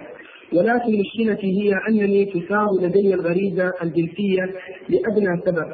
ما هو العلاج لذلك؟ وجزاكم الله خيرا. أولا حقيقة مشكلة هذه الغريزة. الله سبحانه وتعالى جعلها غريزة. طبيعية جبل الناس عليها هكذا. ودخل منها أعداء الله. دخل المجرمون والمفسدون والذين يحبون أن تشيع الفاحشة في الذين آمنوا بحساب جهودهم الخاصة دخلوا من باب هذه الغريزة. هذا يبيع الأفلام هذا يزيد المجلات هذا يعمل الدعاية عن طريق النساء لبضاعته هذا يروج بالحرام. كل يعني نجد انه تستثار هذه الغريزة بشكل يخرجها عن موضعها الصحيح. نحن لا رهبانية في الاسلام والحمد لله. ولسنا من النصارى في شيء في هذه المسألة ولا البوذيين ولا غيرهم. نحن ديننا دين الإسلام الذي يعطي كل شيء حقه. ف هذه الرغبة هذه الغريزة هذه النزوة هذا لابد أن تشبع. المقصود أمر فطري جبلي لابد أن يشبع. لكن هذه الدوافع وهذه المثيرات في واقعنا الآن خرجت عن حدها خرجت عن طولها بحيث أصبح الشاب مشدودا ليل نهار إليها. إن دخل مكتبة كيف القرار إن ذهب إلى المجلات كلها صور نساء إلا ما رحم ربك في المكتبات أو في إن رأى الأفلام كذلك. يعني كل ما يجد يثيره ويشده هذه أولا نقول هذه مسؤولية تقع على أعداء المجتمع بأكمله كل إنسان مسؤول بحسب موقعه ومكانه بين يدي الله سبحانه وتعالى. كل حادثة زنا تقع نتيجة لهذه الإثارات فكل من أثارها أو عدل بأن تثار مسؤول بين يدي الله بقدر تفريقه فيها. الذي يستطيع باليد مسؤول أكبر الذي يستطيع باللسان مسؤول وإن كان أقل وهكذا. المسؤولية مشتركة على الجميع. نحن لا نقول دائما الحكام ولا تقول العلماء ولا تقول الدعاء ولا تقول المدرسين. ما هي قضية كلنا مسؤولون بين يدي الله كلكم راع وكل راع مسؤول عن رعيته كلنا مسؤول بين يدي الله سبحانه وتعالى عن التنوين للفواحش في مجتمعنا المسلم الطاهر ثم هذا الأخ. حقيقة أن الأخ هذا ذكر يعني مسألة الإثارة. الإنسان مهما كانت قوته إذا لم يتعرض للمثير فإنه لا يستفاد. يعني قد يكون هناك أناس لديهم خروج عن المألوف أن الإنسان ما عنده حالة أنه مرض فأصبح يريد أن يعاشر أو يباشر بشكل غريب جدا. يقول هذا صار مرض لكن قاعدة عامة الأصل هو الإثارة إن كان هذا الأخ ممن مرض أصبح لديه مرضا. وهو هذا كما ذكر فيذهب إلى أي إنسان ممن يعاني الأمراض التناسليه ولا سيما إذا كان دينا موثوقا ويوجد الحمد لله الآن. الحمد لله بفضل الله لا كان يوجد تخصص إلا وفيه من يوثق بدينه والحمد لله. ويتعالج على يديه وربما يعينه بشيء من المهدئات المقصود لديه العلاج هو هذا اختصار. ثم مسألة أخرى. آه إذا كان إذا لم يكن مرضا وانما كان آه عامل المثيرات فنقول هنا الحال الحل وهو للجميع كما أمر الله سبحانه وتعالى. كل المؤمنين يغضوا من أبصارهم ويحفظوا فروجهم. ازكى لهم لابد لابد من غض النظر ولابد من حفظ الفرج ويصرف الإنسان هذا الوقت وهذه الطاقة فيما يبعده عن ذلك. يذهب إلى إخوة كلما كان مع إخوة في الله كلما كان أبعد. إذا كان وحده فليتذكر اليوم الآخر. يتذكر سكرات الموت. يتذكر عذاب القبر. يتذكر وقوف خمسين ألف سنة. بين يدي الله سبحانه وتعالى والشمس على مسافة سنين وكل إنسان عرقه منهم منهم من يبلغ عرقه إلى أن يلجمه ومن يبلغ إلى الترقوة ومن يبلغ إلى السرة ومن يبلغ إلى الركبة عرقه عرق كل إنسان في هذا الموقف العظيم. يتذكر ما أمامه من أهوال. ويتذكر أيضا حال المسلمين حال هذه الأمة المنكوبه التي يأتي اليهود والنصارى والمجوس وكل طوائف الضلال كل منهم يذبح من جهة وهي غافلة. لاهيه في هذه الشهوات؟ أسئل ذكورها بإناثها وأسئل إناثها بذكورها والكل يذبحهم ويختطف أموالهم وينهبهم بكل وبكل نوع من أنواع الفساد. أقول كلما يتذكر الإنسان هذه القضايا. يجد أنه لا مجال ولا مكان. لمثل هذه النزوات أن تستعر وأن تنتهي والله المستعان.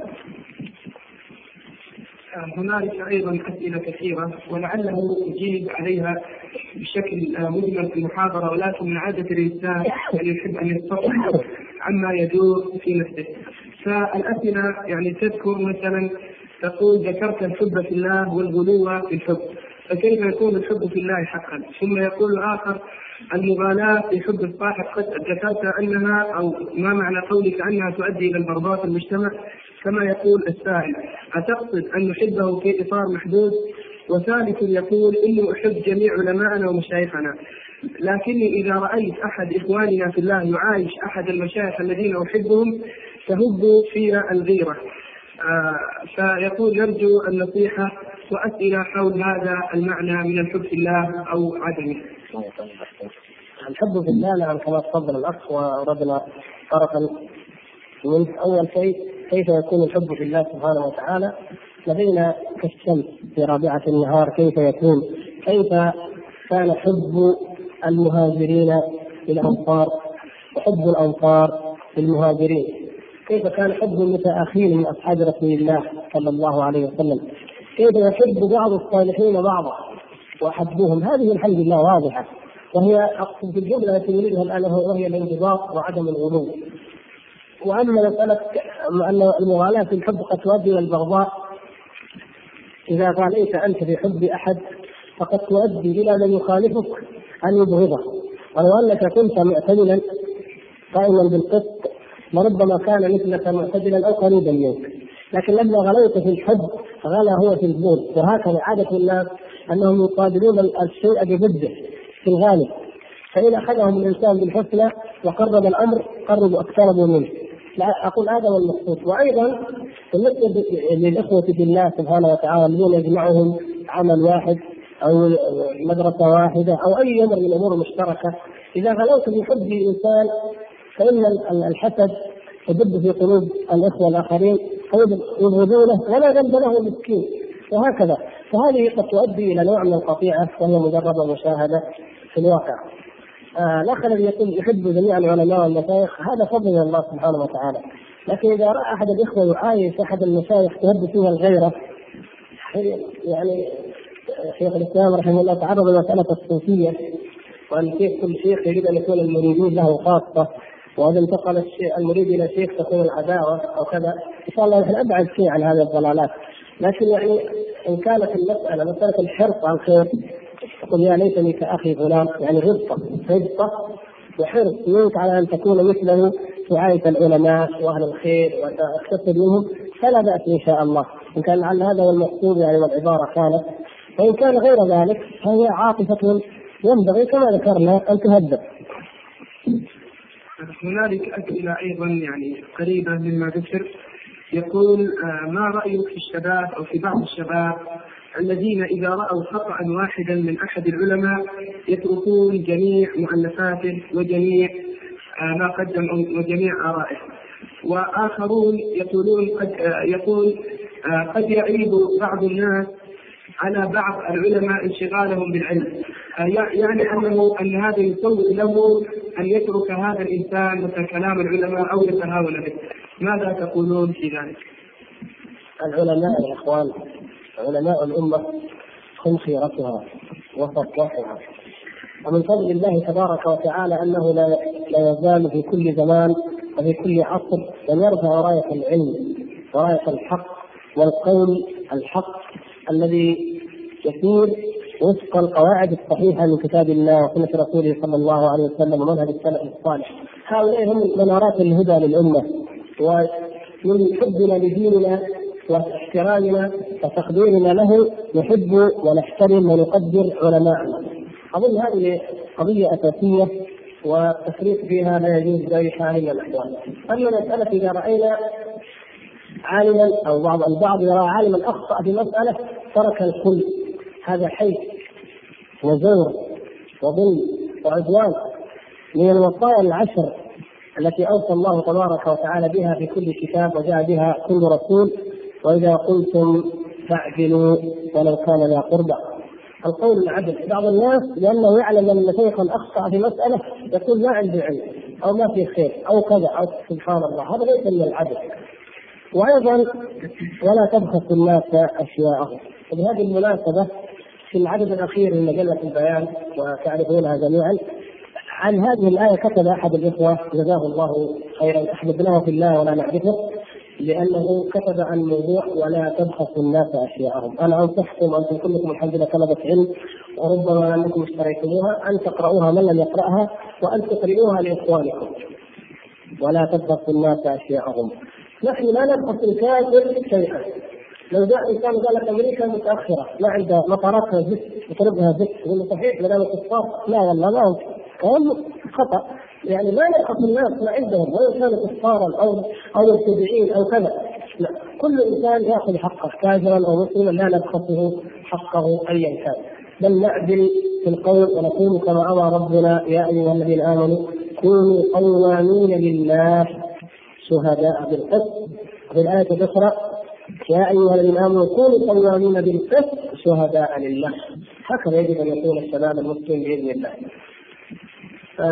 من يعيش نعم نرجع إلى مساله طيب العلماء يعني معصومون العلماء مبرؤون من العيوب كفى المرء فضلا كفى المرء نبلا أن تؤدى معايبه يعني يقول لك العالم هذا الفلاني مقصر بجانب الأمر بالمعروف والنهي عن المنكر، طيب فاذا يترك علمه وفضله. سبحان الله جزاه الله خيرا أنه بحث وحقق ومحص ويقول لنا حكم الله بالمسألة. وأنا وياك نامر وندعو نتكامل ولا يعني ذلك اننا نقتدي به إذا كان فعلا مقصرا فنقصر مثله. لكن نأخذ منه العلم ونجبر التقصير وكلنا أمة واحدة ونسعى للخير والتكامل. حتى لو استطعنا من يستطيع منا وبأسلوب وبأدب جم أن يقول للشيخ يا شيخ لو تنكر لو تتكلم لو تفعل. هذا هذا أيضا من الخير. ولا ندعي الحكمة لأحد بل ننصح لأئمة المسلمين وعامته وهؤلاء من الأمة أمة العلم كأئمة أيضا. الحكم ينصح له فننصح له. ونقول وكل أخ ويشغلوا بعلم فسقطوا على زعم. فكيف نرد عليهم؟ يعني لا يعني ذلك أن نترك ما عندهم من خير أبدا. كما أن من يدعو إلى الله سبحانه وتعالى ينكر المنكر. لا يعني ذلك أن يكون عالما أيضا. الإنسان مواهب متعدده بعض الناس خلق خطيبا أعطاه الله تبارك وتعالى موهبة الخطابة. فإذا زعمنا أنه عالم وعرضنا فتوى العالم لقول الخطيب خطأ. هذا خطيب وهذا عالم. كل إنسان له مجاله كل إنسان له طاقته. المقصود اننا لا نظلم ولا نبغض الناس أشياءهم. يقول سائل آه، لو لو ترتب على قول الباطل حق ظاهر أكبر من الباطل. هل يجوز قول الباطل في هذه الحالة؟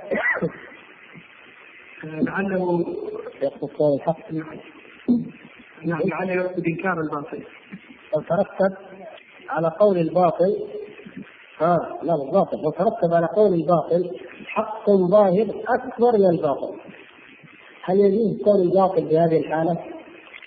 يعني يمكن ما نصير السؤال بهذا الشكل يعني. يعني نقول لو ارتكبت مفسده ظاهرة مفسده من أجل مصلحة ظاهرة. فهل يجوز أن تتخذ المفسدة؟ سواء كانت قولا أو فعلا. يعني نرتكب المفسدة من أجل تحقيق مصلحة أكبر. القضية هي إيش؟ هي قضية أننا ندفع أكبر الضررين ونرتكب اخف المفسدتين نحقق أكبر المصلحتين. يعني ليست الأمور دائما كما يقال في المثل أبيض وأسود. لا أحيانا كذا لكن أحيانا تأتي إلى أمور مشتركة. يعني أنت لا تستطيع أحيانا أن تنكر المنكر إلا بتلبس بشيء منه مثلا أو بشيء مما يحس بهذا المنكر. في هذه الحالة نعم هذا هذه المفسدة هذه بداية الوجه الثاني. فهل هو خروج عن المألوف؟ قوله نعم أنا أقول نعم خروج عن المألوف تفصيل نفس خروج عن المألوف لكن هل كونه خروج عن المألوف يعني الامام مطبق السنة؟ المألوف أنا قلت المألوف لا يقتضي ان يكون طيب أو حق. لكن المألوف عند الناس اليوم الإسلام. المألوف اليوم الإسلام. فإذا قصرت خرجت عن المألوف. نعم لكن هل خرجت عنه إلى حق والى باطل مسألة أخرى؟ فنقول نحن ما كان من مألوف الناس نتعامل بحكمة كيف يكون الخروج عنه، يعني هناك أمور الطبع فيها. ما في شيء، أما مسألة الشرك والتوحيد اصدع فيها. ما, ما تقبل النقاش وهناك أمور نقولها بهدوء أقل. وهناك أمور يعني بتدرج. وهناك أمور نؤخرها وربما هناك أمور لا نذكرها. هذه يعني سلم درجات. هذا هو المقصود. المألوف من هو حق ومن هو باطل. ليس المعيار عندنا هو المألوف في في الحكم. لكن المألوف معيار ليه؟ معيار للمصلحة كيف يكون موقفنا من هذه المسألة؟ يعني إذا إذا كنت في بيئة مثلا كبيئتنا هذه ممكن تقف في أي مكان مثلا تتكلم في الصوفية تقول فيها ما, ما هو حق إن شاء الله. لكن ذهبت إلى بلد كله الصوفية إذا قمت على طول كذا كلمت الصوفية ليست هذه الحقيقة من المصلحة ولا من الحكمة. لأنك هناك خرجت عن المألوف. هنا ماشي مثلا المألوف هكذا. ولا يعني ذلك إن المألوف هناك حق أو انه سنه جاءت بعض الأسئلة يعني نذكر سؤالا منها يقول أحيانا لا أجد القدرة على حفظ الورد الذي فرضته على نفسي من القرآن بحيث أجد في نفسي اعراضا وضيقا. وهذا لا يحدث قليلا بل كثيرا مما أدى إلى استيائي وخوفي من سوء العاقبة فما العلاج يسر فما العلاج؟ جزاك الله خيرا. إن الله لا يمل حتى تمل. الإنسان يأخذ نفسه باليسر إذا كان الأخ ألزم نفسه بقسط كبير يخفف. واذا وجد أن نفسه غير قابله لهذا الخير ولهذا النور العظيم فهي قد فجأت قد أظلمت. فليرققها قبل أن يسلطها يعني يرققها ويوعظها ويذكرها بالله سبحانه وتعالى ويعالجها ثم بعد ذلك يأتي إلى ما يريد. من الخير ولا يكره نفسه على أمر انه تكرهه فربما تنفر منه. فلا شك أن هذا دليل على شيء في القلب وقل من ينزل قلبه من مثل ذلك. وهذه فتنه من الله سبحانه وتعالى يا أخوان. أنت قد تخشع في صلاة الفجر ولكن تجد قلبك قاسيا في صلاة الظهر. هكذا سبحان الله. أو المغرب والعشاء وهما متقاربان مثلا. تجد خشوعا في هذه وقسوه في هذه وهكذا. لأننا نحتاج أن نجدد وأن نتعاهد ايماننا نأخذ أنفسنا بما نستطيع ولا نكلفها ما لا تستطيع ونجاهدها في ذات الله سبحانه وتعالى ونجدد إيماننا دائما ونذكر أنفسنا باليوم الآخر وما اعد الله سبحانه وتعالى من الفوز العظيم لمن اطاعه ومن الشقاء والعذاب عافاني الله وإياكم لمن عصاه وخالف أمره. يذكرها بحال السابقين والصالحين لتقتدي بهم وتتاسى في هداهم وهكذا لعلها تستنهض تستنهض الهمة فيها بإذن الله سبحانه وتعالى ولا يشق الإنسان على نفسه فيصبح مثل هذه الحالة الحرجة. سؤال أو يعني استفسار حينما أجبتم على جواز تقديم المفسدة على المصلحة أو ما شابه ذلك تقول نرجو يعني ضرب مثال حتى يتضح الأمر في أذهاننا. كثيرة يعني الحقيقة لأنه يضيق الوقت يعني الأمثلة مسألة المفسدة أو المصلحة كثيرة جدا في واقع الحياة. يعني مثلا إذا أردت أن تنكر على إنسان يسمع الأغاني كيف ما تسوي؟ مثلا دخلت زرته أو رأيته يسمع الأغاني يعني أول ما تبدأ تسكت هذا الصوت تقفله يمكن تتضارب انت وياه فأنت في هذه اللحظة ستسمع الموسيقى وأنت في اثناء ما تكلمه لكن حتى تفهمه أو مثلا كان يدخن إذا كان منكرا التدخين. أو شيء من هذا. يعني يقول هذه أمور عادية جدا التلبس أحيانا بشيء ما فيه مفسدة. بل ربما تدخل ما هو اسمع من ذلك ترى محل فيديو مثلا يعرض أشياء محرمة وشيء من هذا. حتى وأنت تكلمه تعرض عرقك لشيء من الشبهة. لو جاء واحد قال هذا راح يشتري فيلم يمكن يقول لك تشتري. هذه فيها مفسدة من دخولك ورؤيتك وسماعك. وهكذا. بعض الإخوان يقول ذلك في حقه واضح وأكثر جدا. الإخوان في الهيئة في الجمارك في الإعلام في المراقبة. يعني يرى المنكر نفسه. يرى هذا هل هذه المجلة تدخل ولا ما تدخل؟ يتصفحها يرى فيها الصور المخزيه أحيانا يرى أشياء. تقول مثل هذه المفاسد تهدر ولا ينظر إليها. لماذا؟ لاننا نحقق مصلحة عامة فوق ذلك وأهم منه وهي درء هذه الأمور بالكلية. إن شاء الله تعالى، فالامثله اعتقد أنها يومية ومتكررة بالنسبة لمن يمارس الدعوة إلى الله والأمر بالمعروف والنهي عن المنكر. حقيقة وإن كنا تدعون ثلث الساعة ولكن يسمحكم عذرا. سؤال أخير أو حقيقة كثرت الأسئلة جدا. حول يعني كيف يبدأ الإنسان بطلب العلم أو كيف يبدأ بالدعوة؟ وما هي الكتب التي يبدأ بها؟ وما هي المسائل التي ينتهيها لذلك؟ كما جاء يعني السؤال يقول أن فضيلة الشيخ سبق قد بدأ بكتابة رسالة في توضيح كيف تكون بداية طالب العلم. فنرجو أن يكون ذلك صحيحا. كذلك نرجو التنبيه على ما ذكرنا في الأول.